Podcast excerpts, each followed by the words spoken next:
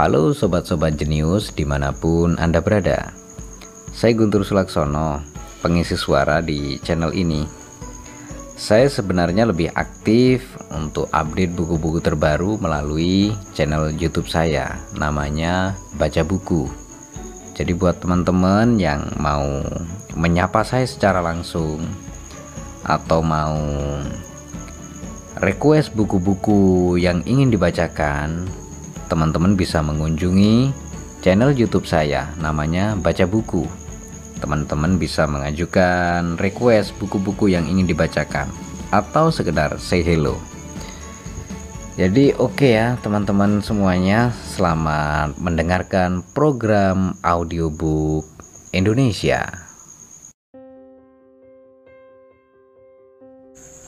Sebuah seni untuk bersikap bodoh amat ditulis oleh Mark Manson.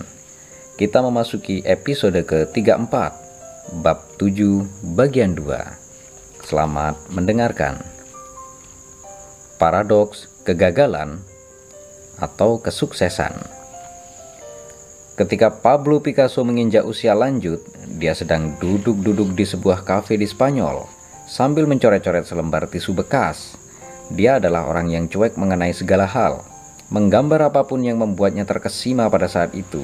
Agak mirip dengan remaja laki-laki yang doyan iseng menggambar penis di sekat kamar mandi. Tentu karena ini Picasso, penis itu akan digambar dengan gaya kubisme, impresionisme yang memukau, yang dicampur noda kopi yang samar-samar. Kembali ke pembicaraan awal tadi, Seorang wanita yang duduk di dekatnya memandanginya dengan kagum. Tidak lama kemudian, Picasso menghabiskan kopinya dan meremas tisu tersebut dan hendak membuangnya saat akan meninggalkan tempat itu. Wanita tadi menghentikannya. Tunggu, katanya. Boleh kan saya meminta tisu yang barusan Anda gambar? Saya akan bayar.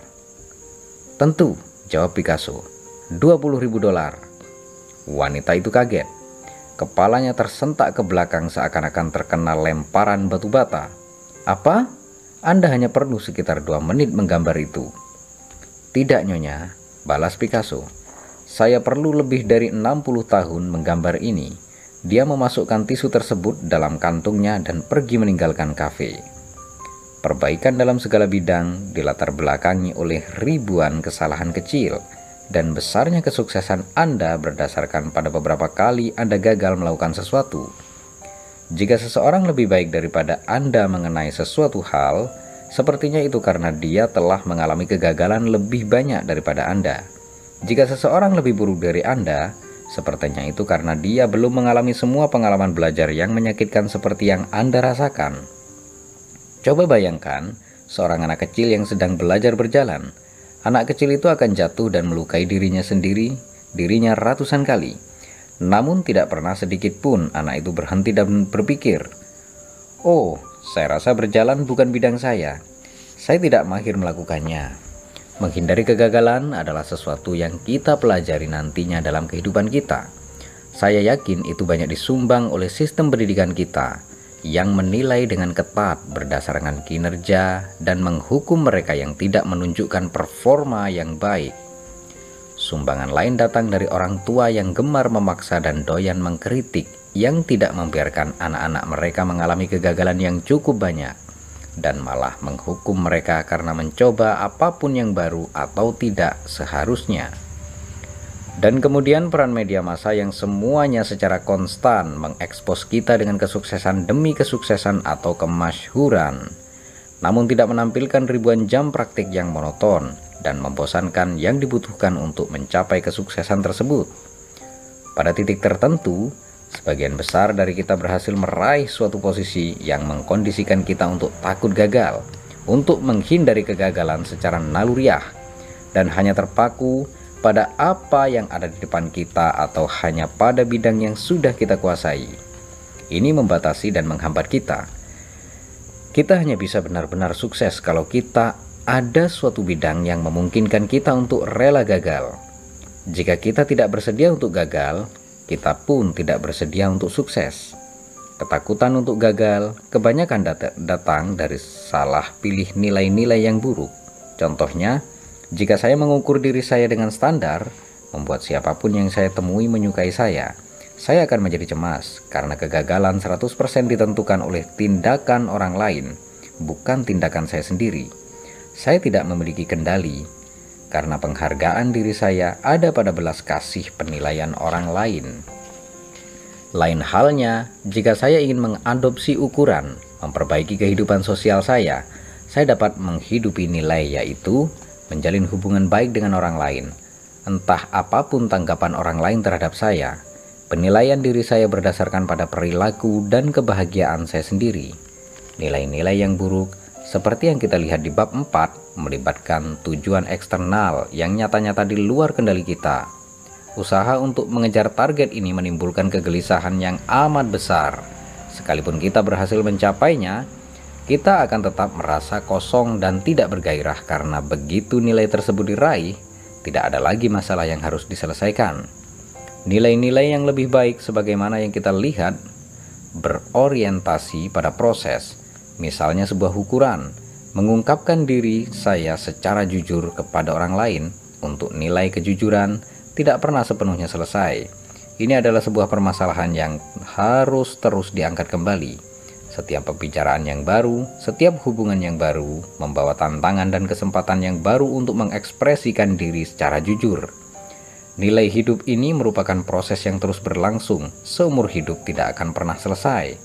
Jika ukuran dari nilai, sukses dengan standar duniawi adalah membeli rumah dan mobil bagus, dan Anda menghabiskan 20 tahun bekerja keras untuk mewujudkannya, begitu ini berhasil diraih, ukuran tadi tidak ada artinya lagi. Maka sampaikan hello kepada krisis paruh baya Anda. Karena masalah yang mendorong Anda hampir sepanjang kehidupan dewasa Anda baru saja diangkat dari pundak Anda. Tidak ada peluang lain untuk tetap bertumbuh dan memperbaiki diri. Padahal pertumbuhanlah yang menghasilkan kegembiraan, bukan daftar panjang pencapaian egois Anda. Dalam hal ini, tujuan sebagaimana didefinisikan secara konvensional, lulus kuliah, membeli rumah di tepi danau, menurunkan berat 6 kg, sangat terbatas dalam hal jumlah kebahagiaan yang dapat diraih dalam hidup kita. Sasaran tersebut mungkin membantu ketika kita sedang mengejar keuntungan jangka pendek, singkat, namun jika menjadi panduan lintasan keseluruhan hidup kita, tujuan-tujuan itu payah. Picasso tetap produktif sepanjang hidupnya. Dia hidup hingga usia 90-an dan terus menghasilkan karya seni sampai tahun-tahun terakhirnya. Andai saja ukuran yang dipakainya adalah menjadi terkenal atau menghasilkan banyak uang dalam dunia seni atau membuat seribu lukisan, dia akan mengalami kemandekan dalam perjalanan hidupnya dia akan dikuasai oleh kecemasan atau keraguan-raguan. Sepertinya dia tidak akan pernah memperbaiki dan melakukan inovasi atas karyanya seperti yang dilakukan dekade-dekade, dekade demi dekade. Alasan dari kesuksesan Picasso sama persis dengan alasan mengapa sebagai lansia dia bahagia mencoret-coret tisu sendirian di kafe. Nilai paling mendasar yang dihidupinya adalah menjadi sederhana dan rendah hati dan itu tidak ada ujungnya. Ini adalah nilai yang dimaksud dengan ungkapan yang jujur, dan inilah yang membuat kertas tisu tersebut sangat bernilai. Terima kasih dan bersambung ke episode 35 bab 7 bagian 3.